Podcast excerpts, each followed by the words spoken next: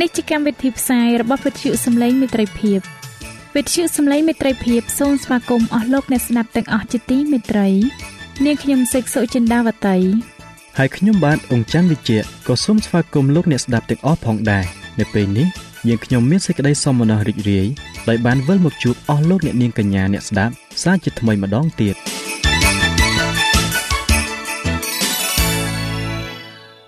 ចា៎លោកអ្នកស្ដាប់ជាទីមេត្រី នាងខ្ញុំសូមគោរពអញ្ជើញអស់លោកលោកស្រីអ្នកនាងកញ្ញាតាមដានស្ដាប់កម្មវិធីផ្សាយរបស់វិទ្យុយើងខ្ញុំដូចតទៅ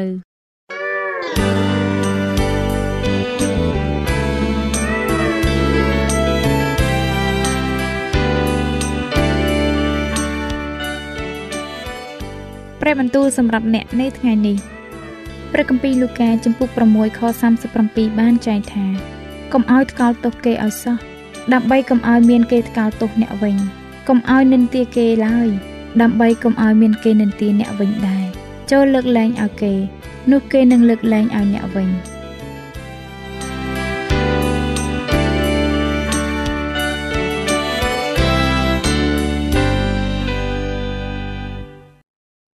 បានជាថ្មីម្ដងទៀតខ្ញុំបាទសូមគោរពនិងជម្រាបសួរដល់អស់លោកអ្នកទាំងអស់គ្នាជាទីមេត្រី សូមស្វាគមន៍មកកាន់នេតិសបាស្គូលប្រចាំសប្តាហ៍មេរៀនរបស់យើងនៅសប្តាហ៍នេះមានចំណងជើងថាសេចក្តីសញ្ញានៅភ្នំស៊ីណាយសម្រាប់អស់លោកអ្នកដែលចង់បានមេរៀននេះប្រើប្រាស់នៅលើទូរស័ព្ទដៃ Android របស់លោកអ្នកលោកអ្នកអាចទាញយកមេរៀននេះបានតាមរយៈ Play Store ដោយវាយពាក្យថាខ្មែរសបាស្គូល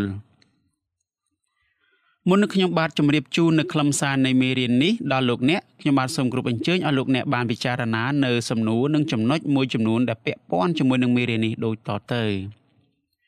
តើសេចក្តីសញ្ញានៅឯភ្នំស៊ីណៃជួយរក្សាសាសអ៊ីស្រាអែលឲ្យមានសេរីភាពដោយរបៀបណាតើសេចក្តីសញ្ញានេះជួយរក្សារូបកាយនិងវិញ្ញាណរបស់ពួកគេឲ្យមានសេរីភាពយ៉ាងដូចម្តេចទៅព្រះជាម្ចាស់បានប្រកាសថា ផែនដីទាំងមូលជារបស់អញ តើហេតុអ្វីបានជាព្រះជាម្ចាស់បានមានបន្ទូលយ៉ាងដូចនេះទៅកាន់ជនជាតិអ៊ីស្រាអែលតើក្រឹតវិន័យនៃថ្ងៃសាបាតជួយយើងឲ្យយល់អំពីសេចក្តីពិតនៃព្រះគម្ពីរកាន់តែប្រសើរឡើងដោយរបៀបណាយើងបានដឹងថាព្រះនឹងលើកលែងទោសអំពើបាបរបស់យើងតាមរយៈសេចក្តីជំនឿនៅក្នុងព្រះគុណរបស់ទ្រង់តែប៉ុណ្ណោះតើព្រះគុណរបស់ព្រះអាចជួយយើងឲ្យរស់នៅក្នុងជីវិតនៃសេចក្តីជំនឿ និងការប្រព្រឹត្តតាមដោយរបៀបណាដែរអរលោកអ្នកជាទីមេត្រីក្មេងប្រុសតូចម្នាក់បានរងរបួសវាត្រូវបានបញ្ជូនទៅកាន់មន្ទីរពេទ្យវាជាក្មេងម្នាក់នៅក្នុងចំណោមក្មេងប្រុសប្រុសទាំង7នាក់ដទៃទៀតហើយគ្រួសាររបស់ក្មេងប្រុសម្នាក់នេះគឺមានសភាពក្រីក្របំផុត ពួកគេតែងតែខ្វះមុខខ្វះក្រោយជារៀងរាល់ថ្ងៃ ក្មេងប្រុសម្នាក់នេះមិនដែលបានទទួលទានអ្វីក្រៅតែពីបបរនិងទឹកដោះគោមួយកែវតូចតែប៉ុណ្ណោះនោះទេប្រសិនបើមានទឹកដោះគោច្រើនលើសពីមួយកែវតូចនោះក្មេងប្រុសនេះតែងតែចែករំលែកជាមួយនឹងបងប្អូនប្រុសស្រីរបស់ខ្លួននៅក្នុងផ្ទះនោះឯងអ្នកណាដែលបានញ៉ាំត្រូវតែញ៉ាំដោយប្រុងប្រយ័ត្នគឺមិនឲ្យញ៉ាំច្រើនហួសកំណត់នោះទេ បន្ទាប់ពីក្មេងប្រុសនោះត្រូវបានបញ្ជូនទៅដល់មន្ទីរពេទ្យហើយចូលទៅក្នុងបន្ទប់សម្រាប់យ៉ាងស្រួលបួលហើយនោះគិលានុបដ្ឋាយិកាបានយកទឹកដោះគោមួយកែវធំមកឲ្យក្មេងប្រុសនោះទទួលទាន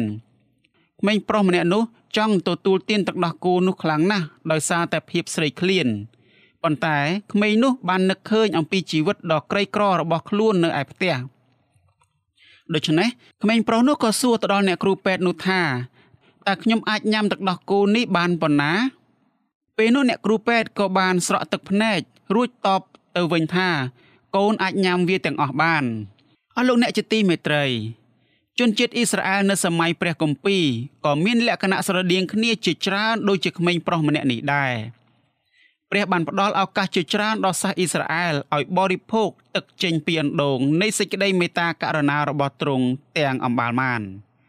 ព្រះក៏បានរំដោះសាសអ៊ីស្រាអែលចេញពីភាពជាទាសករនៅស្រុកអេស៊ីបមកព្រះបានបង្ហាញសាសអ៊ីស្រាអែលអំពីព្រះគុណនិងអំណាចរបស់ទ្រង់លើសាសអេស៊ីបទន្ទឹមនឹងនេះព្រះក៏បានបង្ហាញយើងអំពីសេចក្តីមេត្តាករុណានៅពេលដែលទ្រង់លើកលែងទោសដល់យើង និងរំដោះយើងចេញពីអំពើបាបផងដែរសាសអ៊ីស្រាអែលបានរៀនអំពីព្រះ និងសាសនានៃសាសអេស៊ីបកាលដែលពួកគេនៅជាទេសករនៅក្នុងស្រុកអេស៊ីបនៅឡើយដោយគ្មានមន្ទិលសង្ស័យបទពិសោធន៍នេះបានធ្វើឲ្យសាសអ៊ីស្រាអែលភ្លេចព្រះភ្លេចផែនការរបស់ទ្រង់ព្រមទាំងភ្លេចនៅសេចក្តីស្រឡាញ់របស់ទ្រង់ចំពោះពួកគេតើព្រះជាម្ចាស់អាចនាំរាជរបស់ទ្រង់ត្រឡប់ទៅឯទ្រង់វិញដោយរបៀបណា ដំបងឡើយព្រះជាម្ចាស់បានបង្ហាញដល់រាជរបស់ទ្រង់អំពីទំហំនៃសេចក្តីស្រឡាញ់របស់ទ្រង់ចំពោះពួកគេ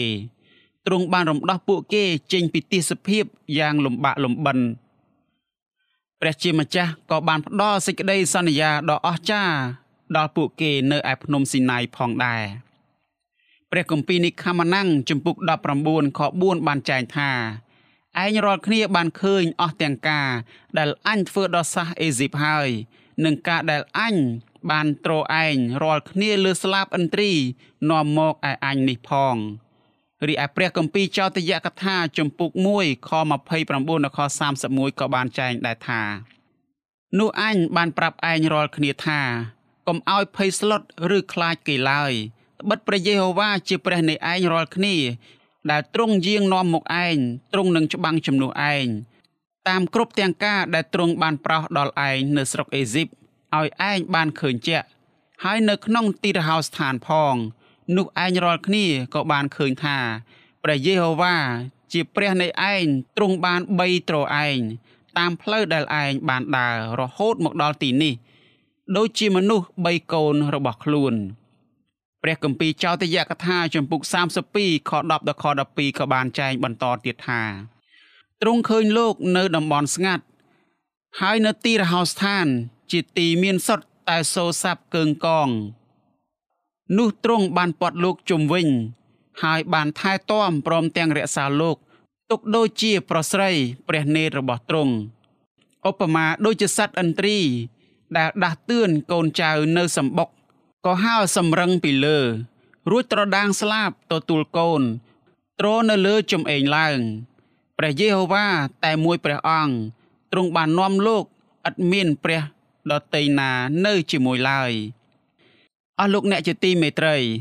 តើមានរូបស័ព្ទពីរយ៉ាងអ្វីខ្លះដែលបង្ហាញយើងអំពីរបៀបដែលព្រះបាននាំរាជរបស់ទ្រង់ចេញពីស្រុកអេស៊ីបទៅកាន់ភ្នំស៊ីណាយនោះ រូបស័ព្ទទាំងពីរនេះ បានបង្ហាញយើងអំពីទេវតា និងឪពុកដែលត្រកងកូនរបស់ខ្លួន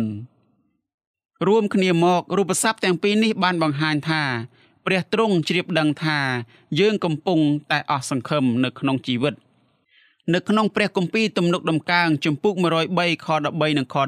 14រូបស័ព្ទទាំងនេះក៏បានបង្ហាញយើងថាព្រះយកប្រតិយទុកដាក់ចំពោះតម្រូវការនិងសុភមង្គលសេចក្តីសុខសាន្តរបស់យើងផងដែរទ្រង់គ្រប់គ្រងនិងការពារយើង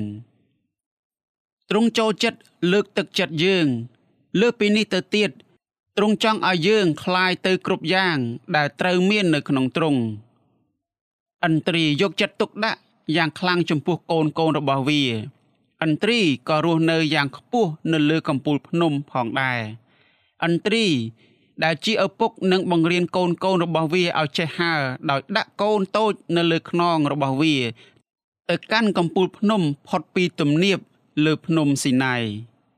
បន្ទាប់មកឥន្ទ្រីទម្លាក់កូនរបស់វាចុះក្រោមប្រសិនបើកូននោះតូចពេកក្នុងការហើរនោះឥន្ទ្រីដែលជាឪពុកនឹងហើរនៅពីក្រោមកូនរបស់វា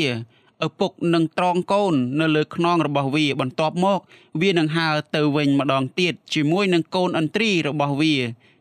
បន្ទាប់មកវានឹងហើរនាំកូនរបស់វាទៅកាន់សម្បុកជាថ្មីឡើងវិញដូចគ្នាផងដែរព្រះបានមានបន្ទូលថាអញបានរំដោះឯងរាល់គ្នាចេញពីស្រុកអេស៊ីបមក ដើម្បីឲ្យធ្វើជារាជដល់អញព្រះគម្ពីរនិខមណាំងចំពុក6 ខ6និងខ7បានចែងថាដូច្នេះចូលនិយាយនឹងពួកកូនចៅអ៊ីស្រាអែលថាអញជាព្រះយេហូវ៉ាអញនឹងនាំឯងរាល់គ្នាឲ្យរួចពីបន្ទុកនៃពួកសាសអេស៊ីបហើយនឹងជួយឲ្យរួចពីការបម្រើគេអញនឹងលើកដៃអញឡើងលុះឯងរាល់គ្នា ដោយការវិនិច្ឆ័យយ៉ាងធំអញនឹងយកឯងរាល់គ្នាទុកជារាជរបស់អញក៏នឹងធ្វើជាព្រះដល់ឯងរាល់គ្នា នោះឯងរាល់គ្នានឹងបានដឹងថាអញនេះជាយេហូវ៉ាគឺជាព្រះនៃឯងដែលនាំឯងចេញផុតពីបន្ទុករបស់សាសអេស៊ីបអស់លោកអ្នកជាទីមេត្រីតើលោកអ្នកឃើញក្បួនច្បាប់អ្វីនៅក្នុងខទាំងនេះតើលោកអ្នកឃើញពាក្យថាអញត្រូវបានសរសេរឡើងនៅក្នុងខទាំងនេះជាច្រើនដងដែរឬទេតើរឿងនេះបង្ហាញយើងអ្វីខ្លះអំពីទំហំដែលព្រះបានធ្វើសម្រាប់យើងនៅក្នុងសេចក្តីសញ្ញានេះ អស់លោកអ្នកជាទីមេត្រីលោកម៉ូសេបានកត់ត្រាអំពីរឿងពីរដែលបង្ហាញអំពីរបៀបដែលព្រះបានសង្គ្រោះរាជរបស់ទ្រង់ទី1លោកម៉ូសេបានសរសេរអំពីរបៀបដែលព្រះបានសង្គ្រោះលោកណូអេនិងគ្រួសាររបស់គាត់ឲ្យរួចផុតពីទឹកជំនន់ទី2លោកម៉ូសេក៏បានសរសេរអំពីរបៀបដែលព្រះបានរំដោះសាសអ៊ីស្រាអែលចេញពីទាសភាពនៅស្រុកអេស៊ីបផងដែរ រឿងទាំងពីរនេះបានបង្ហាញយើងកាន់តែច្បាស់អំពីផែនការរបស់ព្រះ ក្នុងការសង្គ្រោះមនុស្សលោកចេញពីអំពើបាបប៉ុន្តែរឿងទាំងពីរអាចជួយយើងឲ្យយល់កាន់តែប្រសើរថែមទៀតតាក់ទងទៅនឹងផែនការនៃសេចក្តីសង្គ្រោះសូមយើងក្រឡេកមើលនៅរឿងទាំងពីរនេះយ៉ាងយកចិត្តទុកដាក់នៅក្នុងព្រះគម្ពីរនិខាម៉ានាំងចំពុក6ខ6ព្រះទ្រង់បានមានបន្ទូលមកកាន់សាសអ៊ីស្រាអែលថា អញនឹងនាំឯងរាល់គ្នាចេញឲ្យរួចតើព្រះពិតជាមានបន្ទូលថាអញនឹងយកឯងរាល់គ្នាទុកជារាជរបស់អញមែនឬពាក្យថារាជរបស់អញនេះ នៅក្នុងភាសាហេប្រឺគឺ Goel ពាក្យនេះត្រូវបានសរសេរថា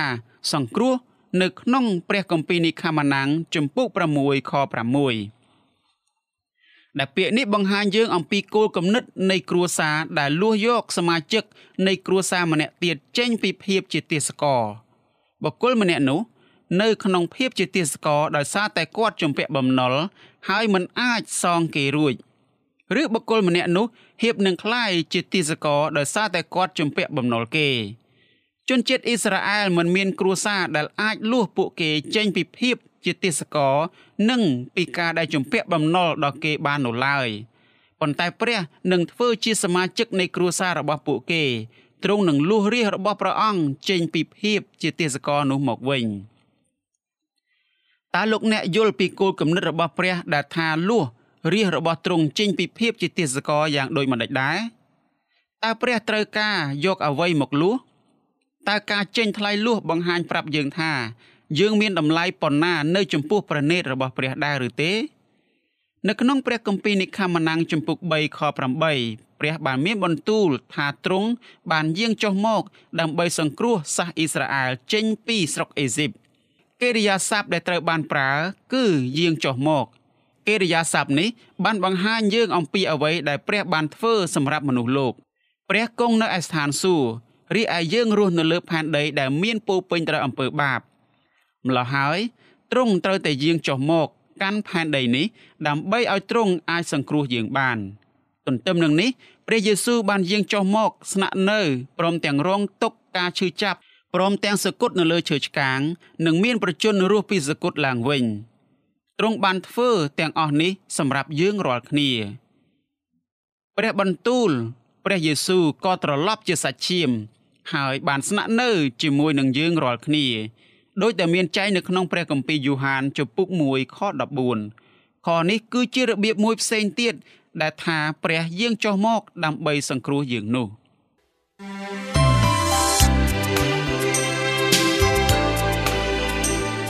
សេចក្តីជំនឿកើតឡើងដោយលឺ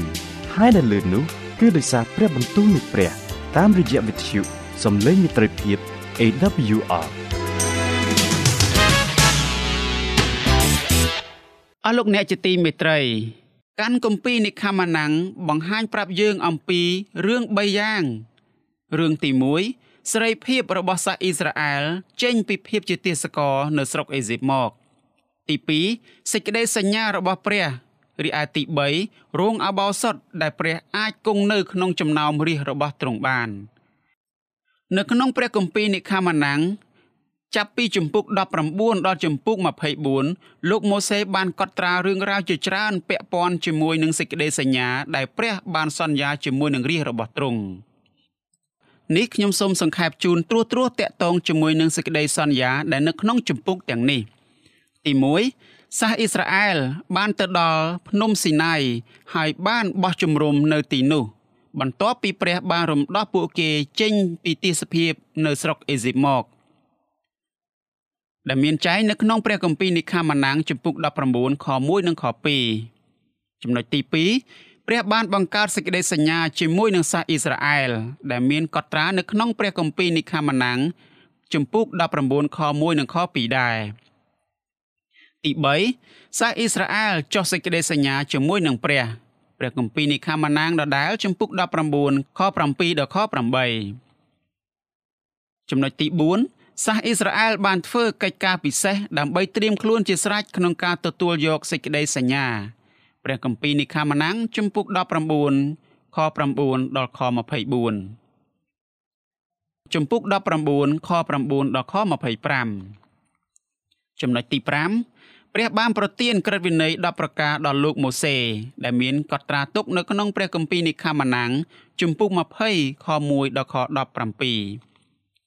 ចំណុចទី6លោកម៉ូសេឈរកណ្ដាលរវាងព្រះនិងសាសអ៊ីស្រាអែលលោកម៉ូសេបានប្រគល់សេចក្តីសញ្ញារបស់ព្រះដល់ពួកបណ្ដាជនព្រះគម្ពីរនិខាម៉ាណាំងជំពូក20ខ18ដល់ខ21ចំណុចទី7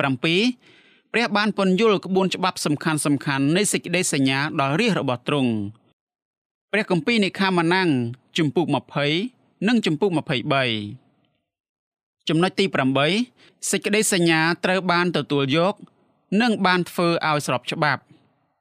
មានចែងនៅក្នុងព្រះគម្ពីរនិខាម៉ាណាំងជំពូក24ខ1ដល់ខ18អស់លោកអ្នកជាទីមេត្រីសេចក្តីសញ្ញានៅឯភ្នំស៊ីណាយគឺជាផ្នែកដ៏សំខាន់មួយនៃផែនការរបស់ព្រះក្នុងការសង្គ្រោះមនុស្សលោកចេញពីអំពើបាបសេចក្តីសញ្ញានេះគឺជាសេចក្តីសញ្ញាទី4 ដែលព្រះបានធ្វើឡើងជាមួយនឹងមនុស្សលោកមុនសេចក្តីសញ្ញានេះព្រះបានបង្កើតសេចក្តីសញ្ញាជាមួយនឹងលោកអាដាមលោកណូអេនិងលោកអាប់រ៉ាហាំសេចក្តីសញ្ញានៅឯភ្នំស៊ីណាយព្រះបានបង្ហាញរូបអង្គទ្រង់កាន់តែច្បាស់ដល់មនុស្សលោក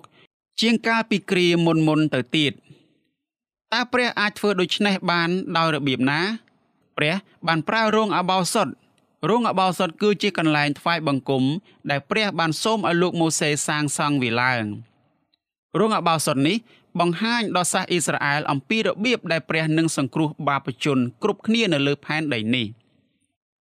ផ្នែកផ្សេងផ្សេងគ្នានៃរោងអបោសុតបង្ហាញអំពីពន្ធកិច្ចដែលព្រះអង្គសង្គ្រោះត្រូវធ្វើព្រះចង់ឲ្យរាជរបស់ទ្រង់ចែកចាយផែនការនៃសេចក្តីសង្គ្រោះនេះជាមួយនឹងមនុស្សគ្រប់គ្នានៅលើផែនដីនោះ គឺជាអត្តន័យទាំងស្រុងនៃសេចក្តីសញ្ញា ជាមួយនឹងព្រះ គឺជាការចែកចាយដល់អ្នកដទៃអំពីផែនការរបស់ព្រះ ក្នុងការសង្គ្រោះមនុស្សចេញពីអំពើបាបព្រះក៏បានបង្ហាញលោកអាដាមនិងនាងអេវ៉ាអំពីផែនការដូចគ្នានេះនៅក្នុងសួនច្បារអេដែនផងដែរ។ព្រះគម្ពីរនិខាម៉ាណាំងជំពូក19ខ5ដល់ខ6បានចែងថាដូច្នេះបើឯងរាល់គ្នានឹងស្ដាប់តាមអញឥឡូវ ហើយកាន់តាមសេចក្តីសញ្ញារបស់អញនោះឯងរាល់គ្នានឹងបានដាច់ជារបស់ផងអញលើសជាងអស់ទាំងសះត្បិតផែនដីទាំងមូលជារបស់ផងអញឯងរាល់គ្នានឹងបានធ្វើជានគរដល់អញដែលសុទ្ធតែជាសង្ឃហើយជាសះបរិសុទ្ធឲ្យអញដែរគឺពាក្យនេះហើយដែលឯងត្រូវប្រាប់ដល់ពួកកូនចៅអ៊ីស្រាអែលអស់លោកអ្នកជាទីមេត្រី នៅក្នុងខទាំងនេះព្រះជាម្ចាស់ បកស្រាយអំពីសេចក្តីសញ្ញារបស់ទ្រង់ជាមួយនឹងកូនចៅអ៊ីស្រាអែលជាការពិតណាស់ព្រះបានជ្រើសរើសសាសអ៊ីស្រាអែលឲ្យធ្វើជារាជរបស់ទ្រង់ប៉ុន្តែជនជាតិអ៊ីស្រាអែលត្រូវតែព្រមទទួលជ្រើសរើសយកជំរឿសនេះផងដែរពួកគេត្រូវតែធ្វើកិច្ចការរួមគ្នាជាមួយនឹងព្រះជាម្ចាស់ព្រះមិនអាចរំដោះពួកគេចេញពីភាពជាទាសករនៅស្រុកអេស៊ីបដោយគ្មានជំនួយពីពួកគេបានឡើយ ដូច្នេះជនជាតិអ៊ីស្រាអែលត្រូវតែធ្វើទៅតាមសំណូមពរគ្រប់យ៉ាងរបស់ព្រះពួកគេត្រូវតែលាបឈាមនៅសងខាងគ្រប់ទ្វារនៃផ្ទះរបស់ខ្លួន ប្រសិនបើជនជាតិអ៊ីស្រាអែលមិនបានធ្វើដូច្នោះទេ ព្រះមិនអាចសង្គ្រោះពួកគេបានឡើយនេះគឺជារឿងដ៏ងាយស្រួលបំផុត។តើលោកអ្នកបានឃើញដែរឬទេថាព្រះជាម្ចាស់មិនបានមានបន្ទូលទៅកាន់សាសអ៊ីស្រាអែលថា ឯងរាល់គ្នាគ្មានជំរឿសឡើយប្រសិនបើឯងរាល់គ្នាមិនចង់ធ្វើជាមេដឹកនាំសាសនានៃនគររបស់អញឯងត្រូវតែធ្វើតាមអ្វីដែលអញចង់ឲ្យឯងធ្វើនោះមិនមែនជាអ្វីដែលព្រះគម្ពីរបានចែងនោះទេ ព្រះមិនបានធ្វើបែបនោះឡើយសូមអស់លោកអ្នកគិតអំពីអ្វីគ្រប់យ៉ាងដែលព្រះជាម្ចាស់ចង់ធ្វើសម្រាប់សាសអ៊ីស្រាអែល បន្ទាប់ពីទ្រង់រំដោះពួកគេចេញពីភាពជាទាសករនៅស្រុកអេស៊ីបព្រះជាម្ចាស់ចង់ឲ្យសាសអ៊ីស្រាអែលคล้ายទៅជាកំណប់ដ៏ពិសេសរបស់ទ្រង់ទ្រង់ក៏ចង់ឲ្យពួកគេคล้ายទៅជាមេដឹកនាំសាសនានៃនគរមួយផងដែរព្រះជាម្ចាស់ចង់លើកដំកើងពួកគេឲ្យខ្ពស់លើសគ្រប់ទាំងសាសនៅលើផែនដីដោយមានតែលក្ខខណ្ឌតែមួយគត់ដែលសាសអ៊ីស្រាអែលត្រូវធ្វើដើម្បីឲ្យរឿងនោះអាចកាត់ឡើងបាននោះ គឺធ្វើតាមព្រះជាម្ចាស់អស់លោកអ្នកជាទីមេត្រី ជាដំបូងគ្រប់យ៉ាងមើលទៅហាក់បីដូចជាល្អព្រះជាម្ចាស់បានរំដោះរាជរបស់ទ្រង់ចេញពីភាពជាទាសករនៅស្រុកអេស៊ីបមក បន្ទាប់មកព្រះជាម្ចាស់បានសន្យាប្រទាននូវសេចក្តីសញ្ញាដល់ពួកគេជនជាតិអ៊ីស្រាអែលបានទទួលយកការប្រទានឲ្យនោះសាសអ៊ីស្រាអែលនឹងធ្វើគ្រប់យ៉ាង តាមដែលព្រះ សូមឲ្យពួកគេធ្វើអស់លោកអ្នកជាទីមេត្រី មិនថាព្រះសូមឲ្យយើងធ្វើអ្វីក៏ដោយទំនាក់ទំនងរបស់យើងជាមួយនឹងទ្រង់ត្រូវតែផ្ដើមឡើងដោយសេចក្តីជំនឿពេលនោះកិរិយាល្អរបស់យើងនឹងមកតាមក្រោយកិរិយាល្អមិនអាចធ្វើឲ្យយើងបរិសុទ្ធនៅក្នុងព្រះនេររបស់ព្រះបានឡើយ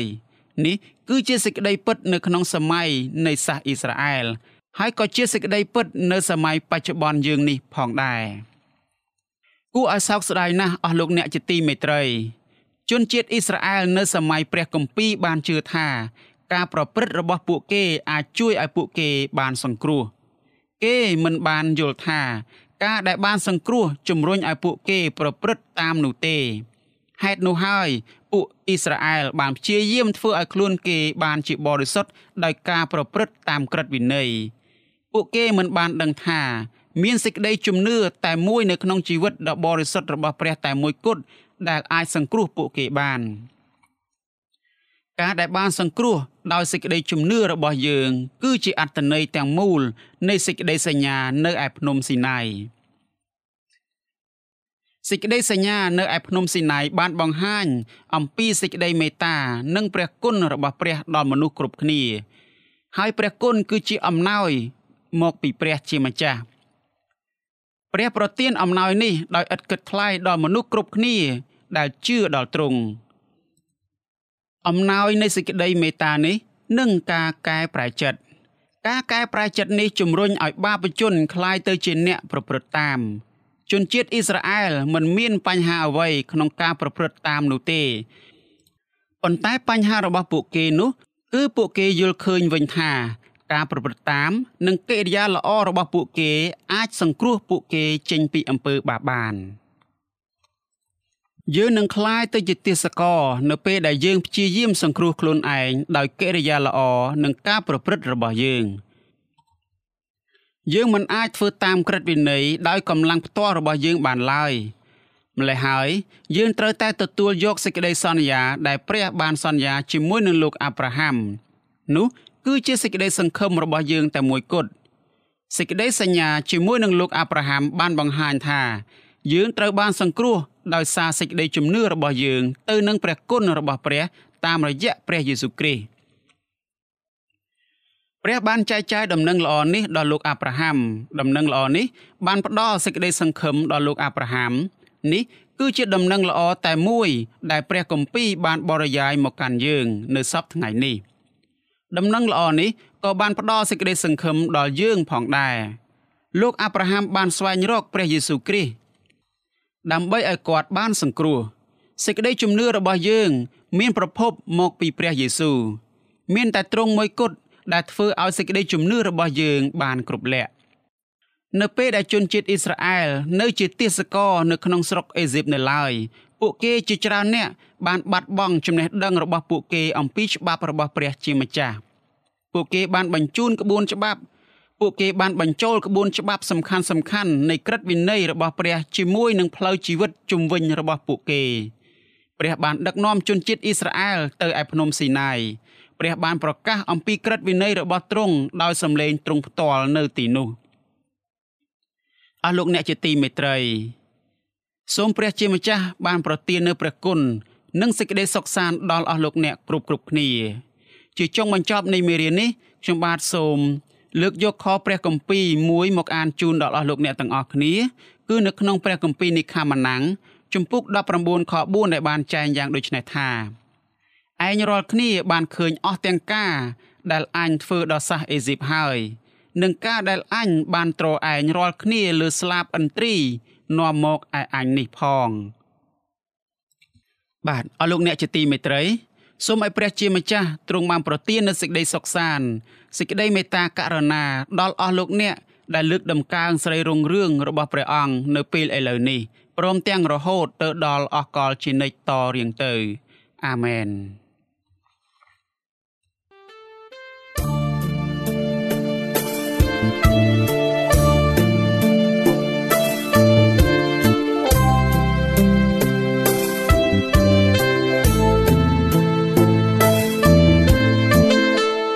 បើសិនជាលោកអ្នកមានសំណួរ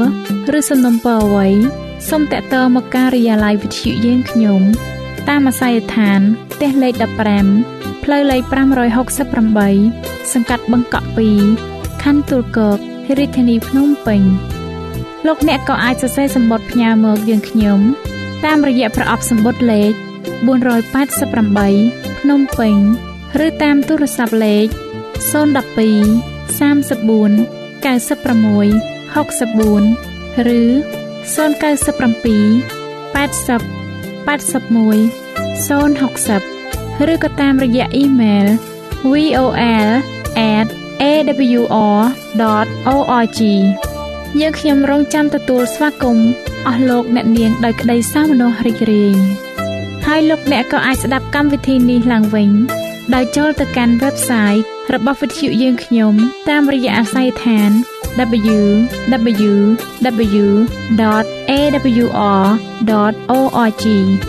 លោកអ្នកនាងកញ្ញាជាទីមេត្រីកម្មវិធីផ្សាយរបស់វិទ្យុសំឡេងមេត្រីភាពនៅពេលនេះសូមបញ្ចប់តែប៉ុណ្ណេះយើងខ្ញុំសូមអរគុណចំពោះការតាមដានស្ដាប់របស់អស់លោកអ្នកតាំងពីដើមរហូតដល់ចប់យើងខ្ញុំសូមជូនពរឲ្យអស់លោកអ្នកនាងកញ្ញាទាំងអស់ បានចម្រើនឡើងក្នុងព្រះគុណព្រះអង្គម្ចាស់ហើយក្នុងការទទួលយកព្រះយេស៊ូវគ្រីស្ទជាព្រះអង្គម្ចាស់និងជាព្រះអង្គសង្គ្រោះនៃយើងរាល់គ្នានាទីផ្សាយរបស់វិទ្យុយើងខ្ញុំនឹងវិលមកជួបអស់លោកអ្នកសាជាថ្មីម្ដងទៀតនៅថ្ងៃស្អែកវេលាម៉ោងដដែលនាងខ្ញុំសេកសុចិន្តាវតីនិងខ្ញុំបាទអ៊ំច័ន្ទវិជ្ជៈសូមអរគុណសូមជម្រាបលា